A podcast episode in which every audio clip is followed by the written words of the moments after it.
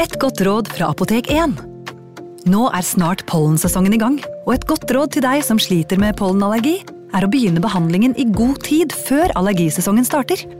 Da får du nemlig enda bedre effekt av legemidlene, og så blir ikke våren din helt ødelagt. Kom innom og få råd på ditt nærmeste Apotek 1, eller chat med oss på apotek1.no. Apotek 1 vår kunnskap, din trygghet.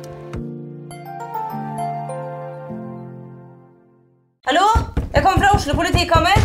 Ine Jansen er purk. Er du purk? The motherfucking bitch. Alt jeg vil, er å finne ut hva som skjedde med mannen min. Jon Carew. Er jeg sikta for noe? Iben Akeli. Det er du. Ole So, Lars Berrum og Big Daddy Karsten. Hvem sin side er du på, egentlig? Anette Hoff, Tone Danielsen, Kommer du fra Afrika? Jørnis Josef, Nesten. Kløfta. Trond Espen Seim, Det er synd å si det, men det var feil mann som døde. Purk. Premiere tirsdag på TV2 Play. Advarsel. I denne podkasten vil du høre historier basert på informasjon programlederne har funnet selv. Programlederne står ikke nødvendigvis inne for meninger og syn som fremstilles. Noen påstander kan avvike fra virkeligheten.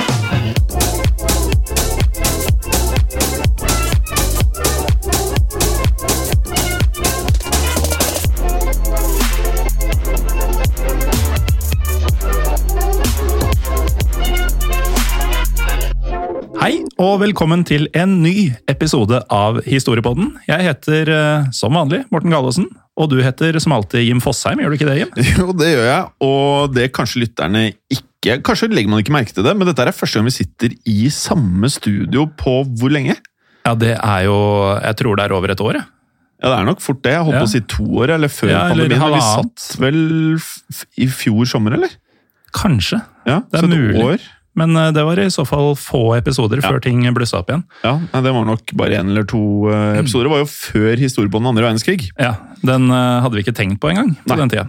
Eller vi hadde kanskje tenkt på den, men Du hadde. Ja, jeg hadde Som ofte så tenker jeg på ting, og så rett før vi skal gjøre det, så Morten, hva syns du om det her? Og så plutselig er jeg med. Litt sånn uten å ha fått med meg at jeg ble med på det.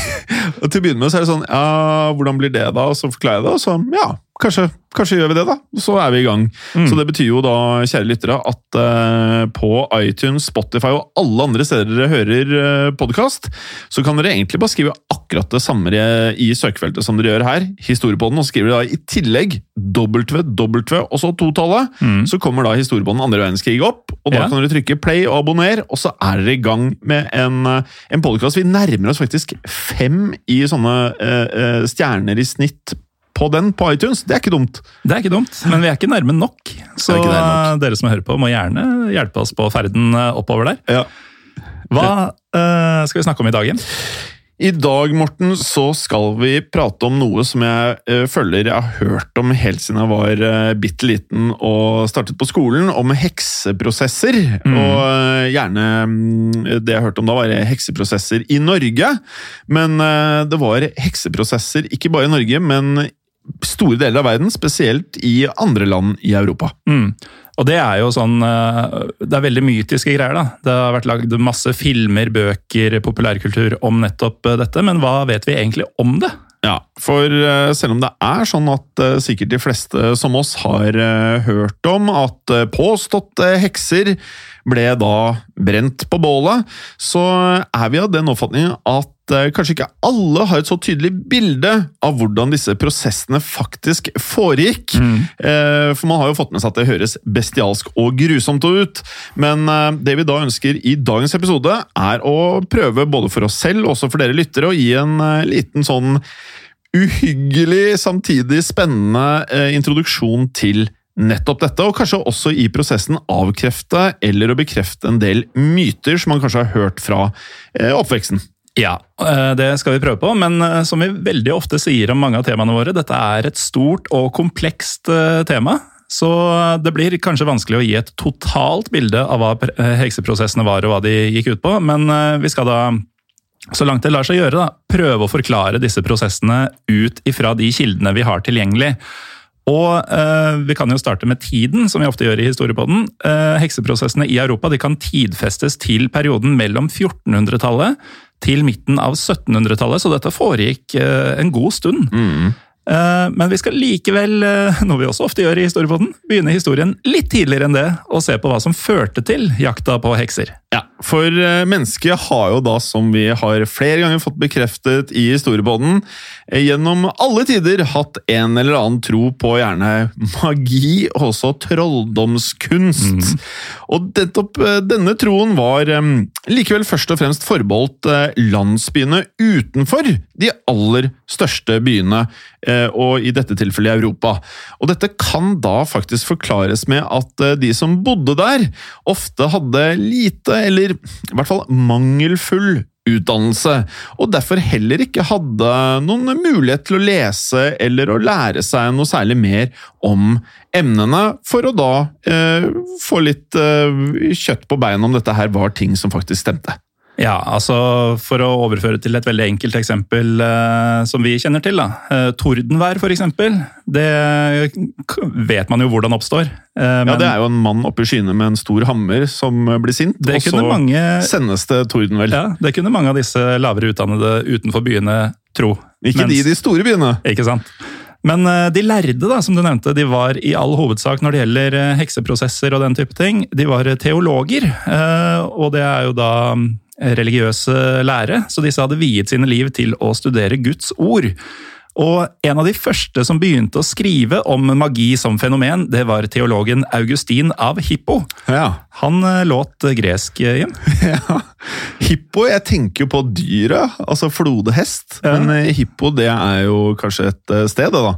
Ja, det må vel nesten være det. Ja, vi tror det. Um, I hvert fall Augustin av Hippo han begynte, eller han hevdet allerede tidlig på 400-tallet, uh, altså 1000 år før, um, før heksesprosessene vi skal snakke om, at eh, magi bare var en menneskelig illusjon. Og um, hans syn var da at eh, bare Gud kunne utføre mirakler på jorda, og at alle påståtte trolldomskunster derfor var falske. Ja, og dette synet ble også gjeldende blant teologene i de neste tusen årene.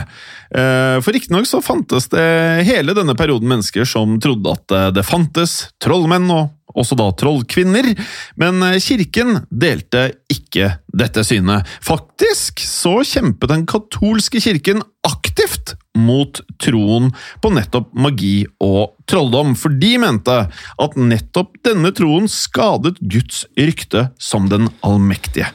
Og selv om da den katolske kirken offisielt ikke trodde at eh, magi faktisk fantes, så var det likevel flere av kirkens medlemmer som mente at djevelen, ingen andre enn jævelen sjøl, altså, Ja. sto bak dette fenomenet.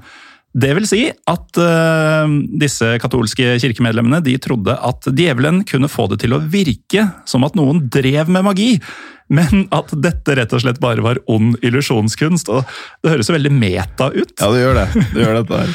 Eh, Så man skulle derfor ikke se på de som drev med trolldom som magiske, men heller som at de var besatt av djevelen, som da fikk oss til å tro at disse drev med noe magisk. Helt riktig, men ikke nok med at eh, den katolske kirke ikke trodde på trolldom.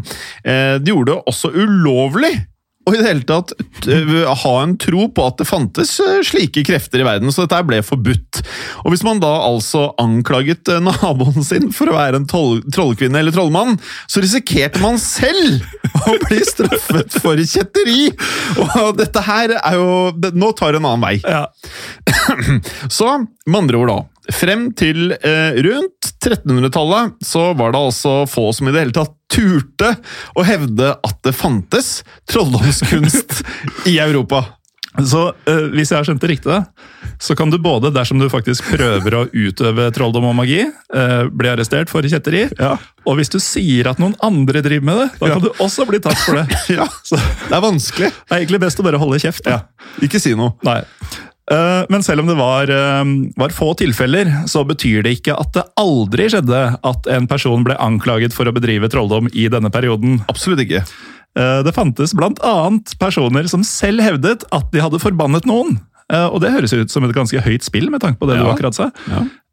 At de hadde forbannet noen, eller at de hadde drevet med annen type magi. Og disse personene ble da ikke overraskende som oftest stilt foran en domstol, men fikk i de aller fleste tilfeller milde dommer, og ble i stedet for uh, dømt for trolldom og kjetteri, ble betraktet som gale, eller hvis de var heldige, bare litt forvirra. Ja, men jeg tror også på at en del av disse menneskene kunne vært gale, altså. Det kan godt hende. Jeg tror det var en av gærning. Eh, et eksempel er faktisk også her i Norge. Allerede i 1324 ble nemlig Ragnhild Tregagås stilt for retten anklaget for såkalt magisk virksomhet. Dette er også den eneste kjente trolldomssaken fra Norge i middelalderen. Og Ragnhild Tregagås hadde tilstått å ha forbannet sin tremenning etter at han gikk fra henne til fordel for en annen kvinne. Hun hadde da altså hatt et forhold til denne tremenningen, som i utgangspunktet ikke er noe å anbefale i mange sosiale kretser. Nei, fordi Fordi dette da blir sett på som incest, Gallosen, og det er jo ikke optimalt. Nei, det er det ikke.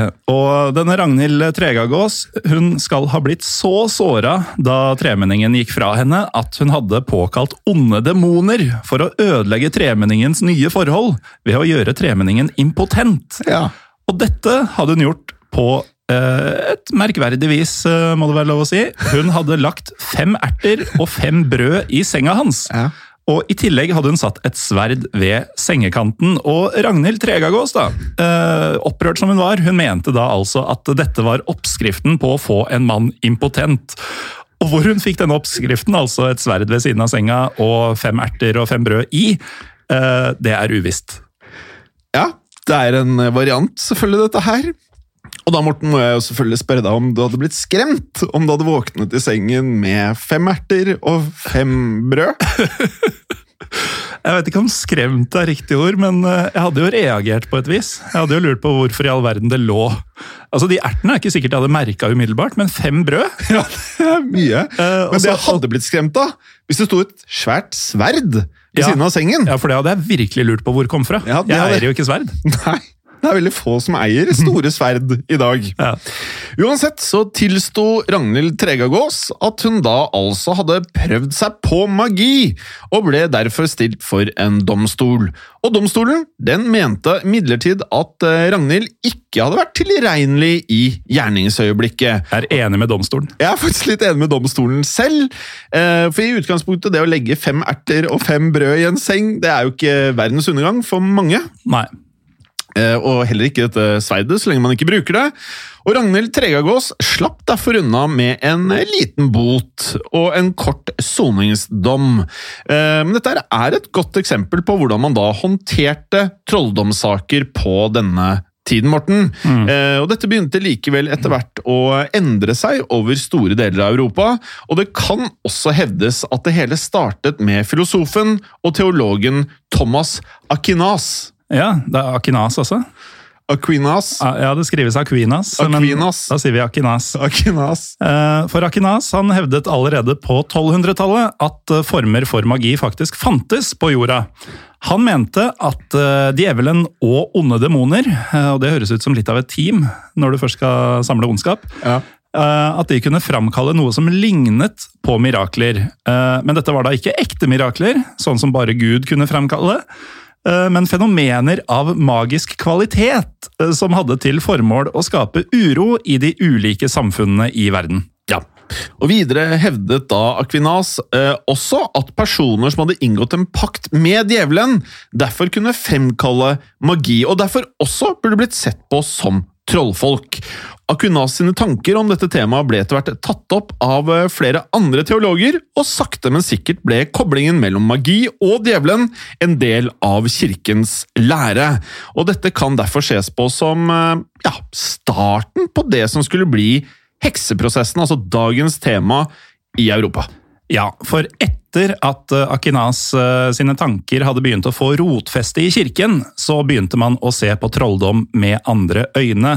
Det var ikke lenger ulovlig å tro på trolldomskunst. Nå var det heller påbudt, ja. eller påkrevd. Man kan bli forvirra. Ja, ja. Skulle nesten trodd at uh, teologene ikke helt veit hva de driver med. Oh, nei, men... uh, meg om det. Uh, katolikkene de mente at uh, trolldom var rent kjetteri. Uh, og kjetteri er da meninger som avviker fra kirkens etablerte sannheter. Mens protestantene de så på det som djeveldyrkelse. Så protestantenes syn på magi er også grunnen til at eh, hekseprosessene skjøt fart etter reformasjonen på 1500-tallet. Og bare for å si eh, det kjapt, eh, Jim. Ja. Reformasjonen, hva var det? Ja, Vi kan jo da kort forklare dette, Morten. Fordi reformasjonen den begynte i Europa på 1500-tallet og er en Det blir jo sett på som en samlebetegnelse på flere religiøse omveltninger. Og nettopp disse omveltningene startet med den tyske teologen Martin Luther. Han har alle hørt om, vel? Han er det mange som har hørt om, som ønsket å løsrive seg fra den katolske kirken og fra paven i Roma. Og faktisk så mente Luther også at paven var selve antikrist, og at han fremfor noen var en ond trollmann, Morten. Ja, Så det er fryktelig mye frem og tilbake om hvem som er gode og onde, og hva som er eh, forbudt og påbudt og sånn, men eh, man får prøve å holde tunga rett i munnen her. Og det er her, eh, når man ser Lord of the Rings og Game of Thrones Når man liksom tenker på noen av disse karakterene her, går det an å bli så ond? Går det an å bli så gæren? Går det an å få så mye rart for seg? Man skjønner at det, det er ikke noe mer som skal til enn å se tilbake på historien. Så finner du ganske mye interessante karakterer å basere bøkene dine på. Men eh, sånn, sosiale medier og smarttelefoner og sånn, det får jo mye tyn fordi det tar fokus og oppmerksomhet vekk fra at man ja, fordyper seg i ting, lærer ting, leser bøker og sånne ting. Disse folka kunne jo trengt de uh, avvekslingene. Ja, De Fordi- kunne trengt mye. Ja, Martin Luther tenkte jo for mye, og det gjorde det tydeligvis Aquinas også. Men uansett, uh, etter at eh, reformasjonen var et faktum, så ble også lovene mot bruk av magi strengere. Faktisk så ble bruk av magi sett på som den aller mest alvorlige forbrytelsen man kunne gjøre, så nå hadde det tatt noen kvantesteg her. Og den juridiske termen var på dette tidspunktet trolldom, og ikke hekseri. Ja. Uh, Og faktisk så begynte man ikke å bruke begrepet heks før på slutten av 1600-tallet. Nei, for selv om man da ofte brukte betegnelsen hekseprosessene, burde man egentlig snakke om trolldomsprosessene, hvis man skal være helt nøyaktig her, faktisk.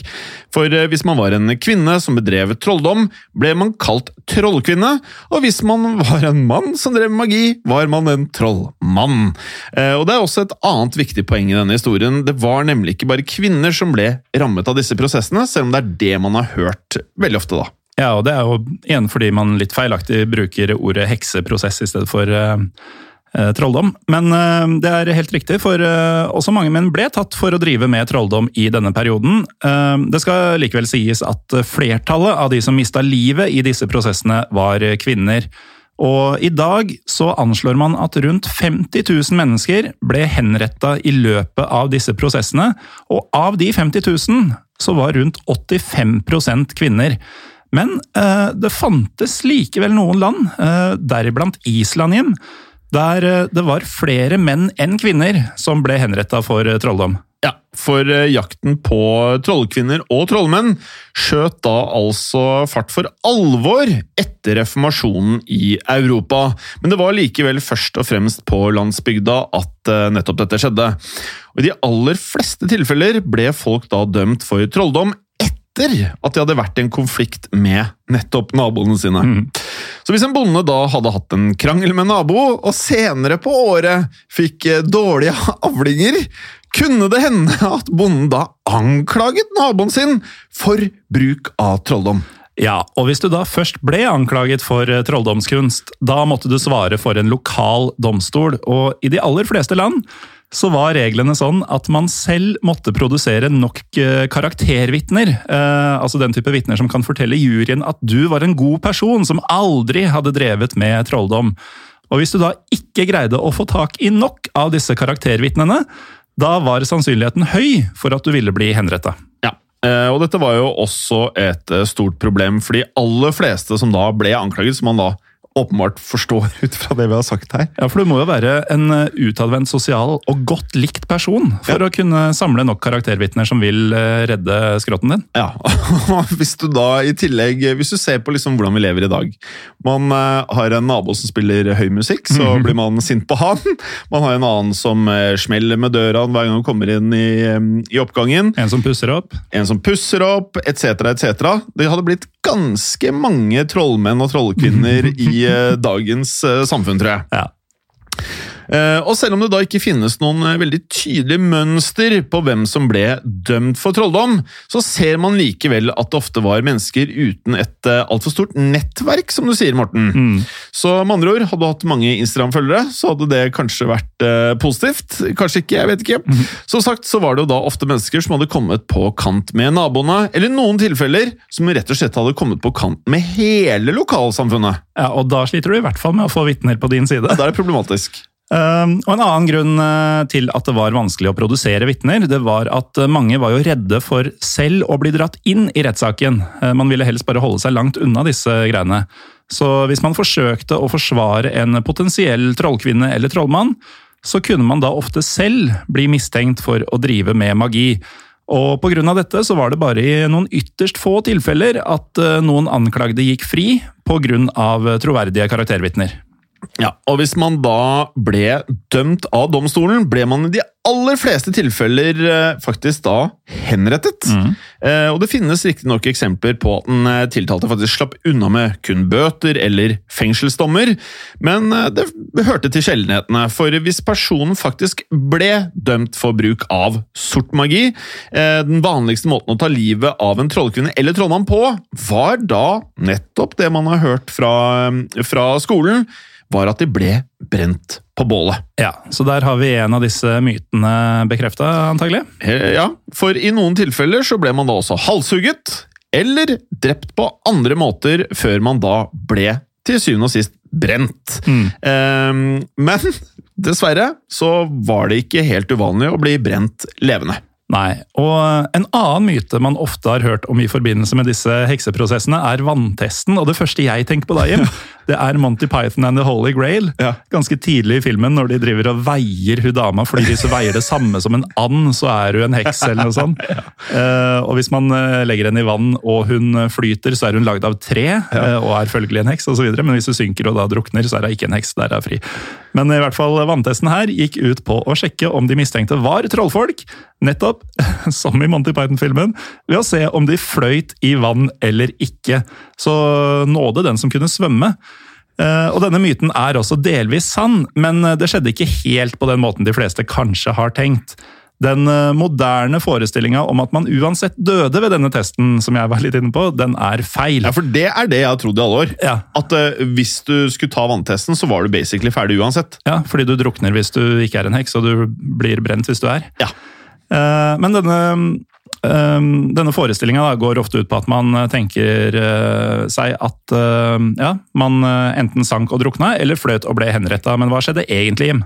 Det som egentlig skjedde, var at eh, om man faktisk begynte å synke til bunnen, så ble man da faktisk raskt hentet opp fra vannet igjen. Det har jeg aldri hørt noe eh, som helst om før dette her.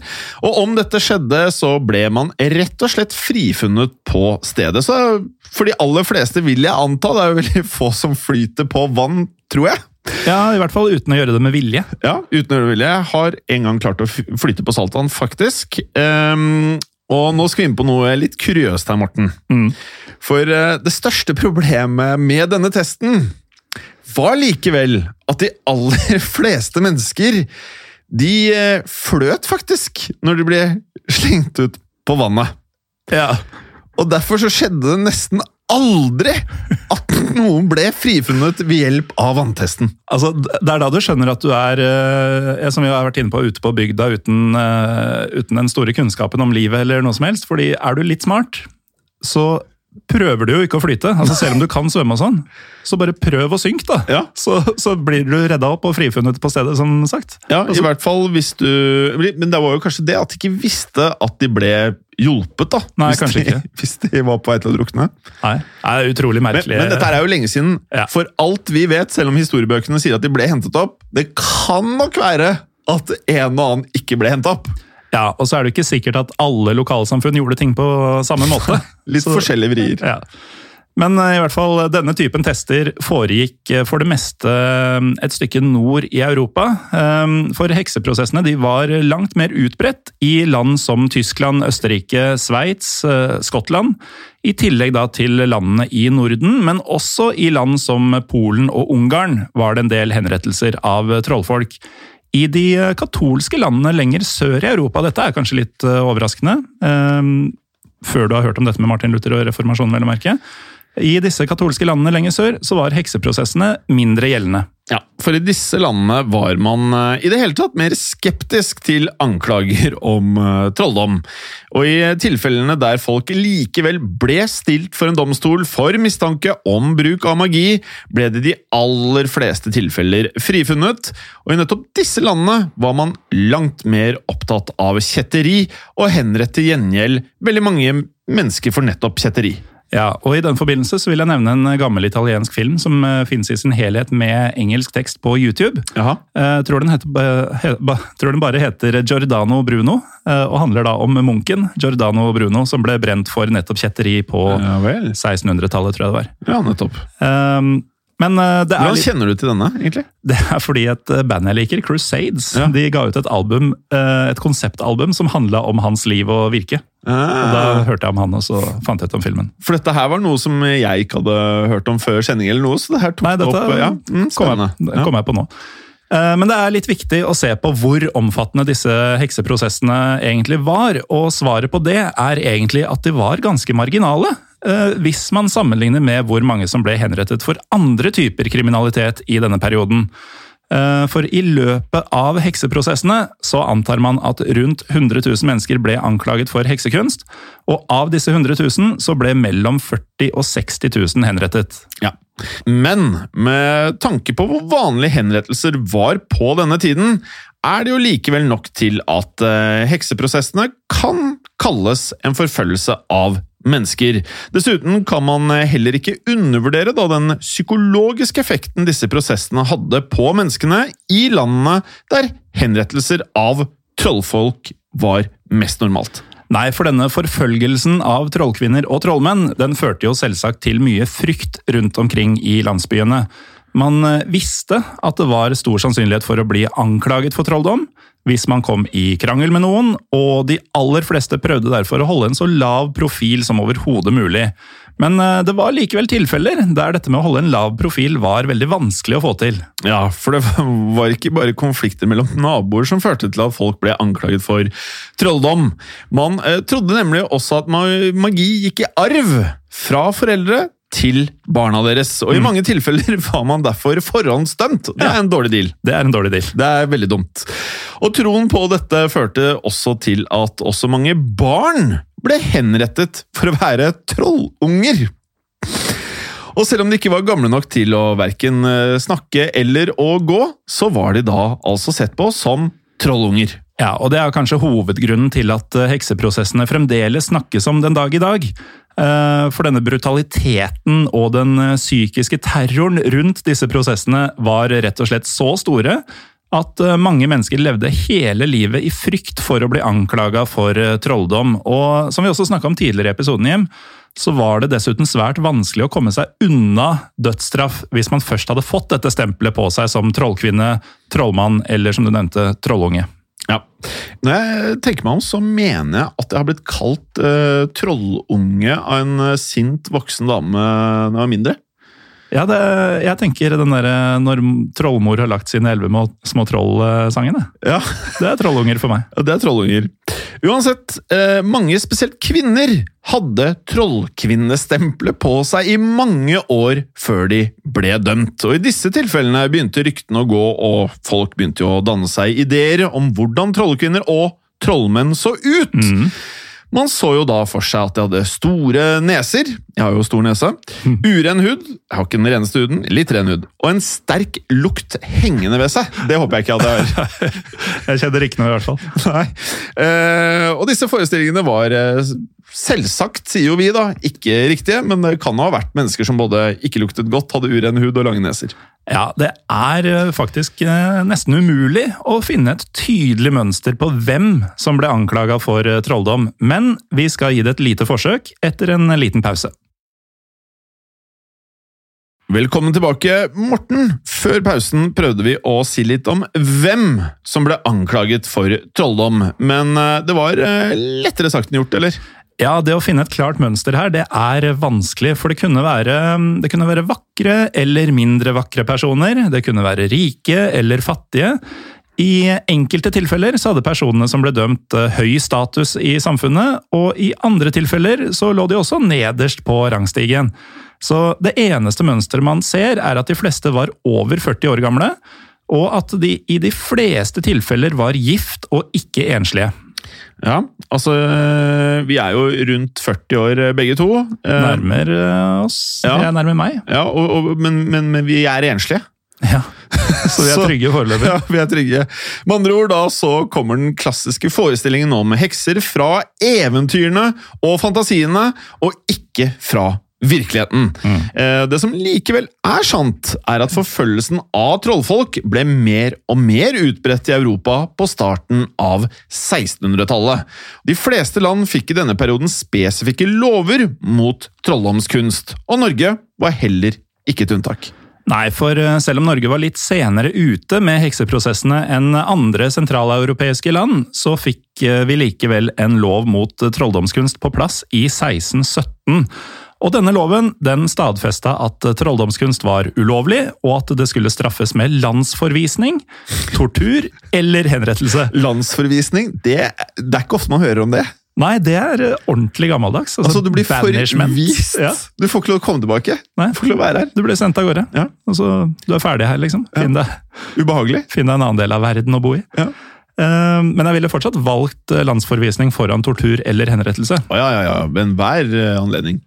Men uh, Norge er også et av de landene der hekseprosessene var mest utbredt, hvis man da sammenligner med folketallet, som på denne tiden var på rundt 400 000 mennesker.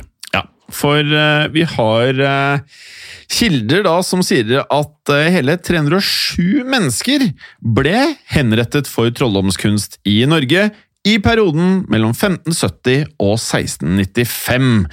Og så, Hvis vi ser dette litt i kontekst, da, sammenlignet med veldig mange andre land, så er dette en stor andel av befolkningen. Det fylket som hadde aller flest henrettelser av trollfolk, var dessverre for de som bodde i Finnmark. Det var Finnmark, med 92 henrettelser i denne perioden. Og det er nesten en tredjedel av de 307 som ble henretta på landsbasis. Ja, det er en del. Det er mange. Ja, det er mange. Eh, Og mange av disse henrettelsene kan knyttes til samiske sjamaner. Ja, og samiske sjamaner, det snakker man jo faktisk litt om den dag i dag også. Ganding og sånn. Altså den der eh, forbannelsen som man kan pådra seg langt nord i landet. Um, Men i hvert fall, mange historikere har i senere tid prøvd å finne ut av hvorfor um, hekseprosessene fikk såpass rotfeste i store deler av Europa på 1500- og 1600-tallet. Og en av forklaringene som ofte legges fram, er at de religiøse kreftene gjennom disse prosessene ønsket å legge føringer for hvordan kvinner skulle oppføre seg. Ja, og den tidligere nevnte Martin Luther eh, mente at kvinner var mer tilbøyelige til å oppsøke onde demoner for å fremstille sine lyster, enn det var for menn. Forestillingen om kvinner i disse protestantiske miljøene var også at de oftere enn menn lot seg lure av Satan.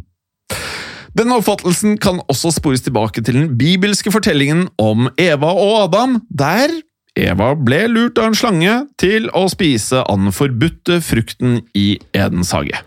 Og mange mener altså at disse prosessene først og fremst var en måte å få kvinner til å oppføre seg i henhold til Guds ord og til kirkens lover og regler.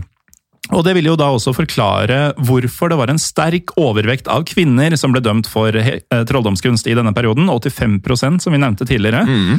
Andre mener at kvinner var mest utsatt fordi de generelt hadde mindre status i samfunnet. Ja, og selv om vi nå begynner å nærme oss eh, slutten på denne episoden om hekseprosessene, så må vi innom et kjent norsk eksempel på nettopp disse prosessene, som var vi kan vel kalle det typisk for denne tiden. Vi kan jo det. Ja, vi kan jo det, og vi gjør også det. Vi skal snakke om en av de aller mest kjente sakene i de norske hekseprosessene, som er dommen mot ekteparet Lisbeth og Ole Nypan.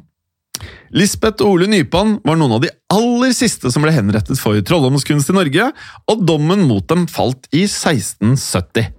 Ja, uh, Lisbeth Nypan var en kjent helbreder i Trondheimsområdet på 1600-tallet, og hun begynte å ta imot sine aller første kunder allerede i 1640, og fortsatte med dette i de neste tiårene. Kundene til Lisbeth Nypan de besto først og fremst av landsbyfolk som trengte hjelp med diverse plager. Og i starten så tok ikke Lisbeth seg betalt for disse tjenestene, men etter hvert som kundemassen økte, så begynte hun å ta penger for sine ja, spesielle tjenester. Ja, og det var etter at hun eh, begynte å ta betalt at problemene for eh, Lisbeth og Ole Nypan eh, dukket opp. Landsbyfolkene begynte nemlig å mistenke at det var Lisbeth selv som gjorde dem syke, slik at hun da skulle tjene mer penger. Altså Hun prøvde da å profitere på dette her. Og hver gang noen folk eller dyr ble syke i området, fikk hun derfor skylden for nettopp dette. Det gjorde det heller ikke bedre at eh, Ole Nypan brukte konens krefter som eh, en trussel, når han da havnet i krangler med folk på bygda. Nei, altså det er sånn textbook example på ting du ikke skal gjøre. med tanke på alt vi har om tidligere i Ja. episoden. Ikke havne i konflikt med lokalmiljøet. Ja, Det det. Under radaren. Ja. Ja. Eh, Men dette var jo da et typisk forløp i de ulike hekseprosessene på denne tiden. Det starta med noen rykter, og etter kort tid så trodde nesten alle at Lisbeth Nypan var en trollkvinne.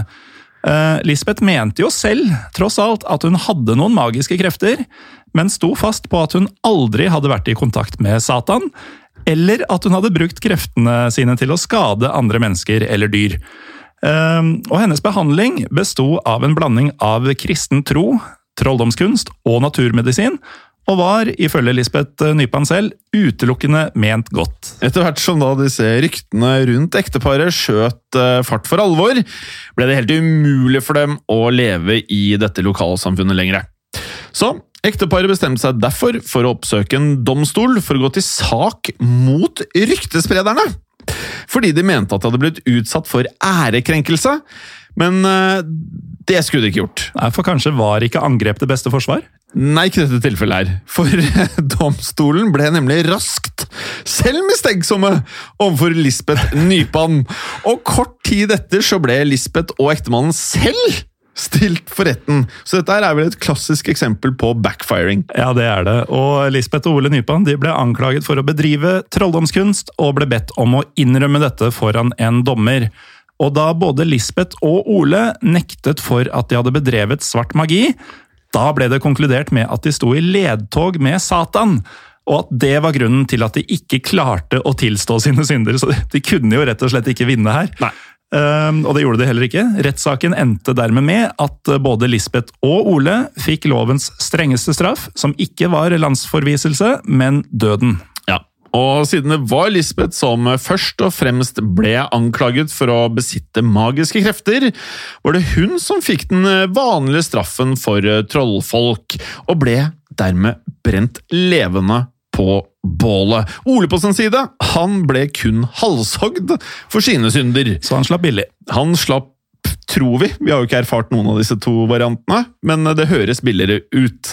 Eh, Så saken mot ekteparet Nypan gir dermed et eh, godt bilde på hvordan eh, hekseprosessene normalt utspilte seg, og står igjen som en av de klassiske eksemplene fra Norge.